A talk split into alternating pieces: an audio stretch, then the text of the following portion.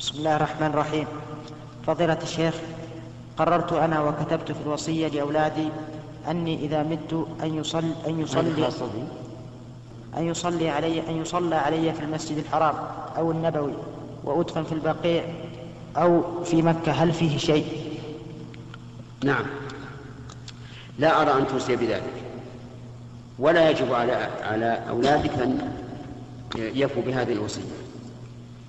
لأنك إذا أوصيت بذلك ألحقتهم الحرج الشديد وكلفتهم المال وفتحت على الناس أبوابا مغلقة لأن الناس بعاطفتهم إذا سمعوا أن فلانا أوصى أن يصلى عليه في المسجد الحرام وأن يدفن في البقيع تسارعوا إلى ذلك وحصل بذلك من, من الأمور التي لا تحمل عقباها ما لا يعلمه إلا الله فلا توصي بهذا أرض الله واحدة. وكل من في الأرض سوف يبعث يوم القيامة من مكانه إلى المشهد. ولا يختلف, ولا يختلف أحد.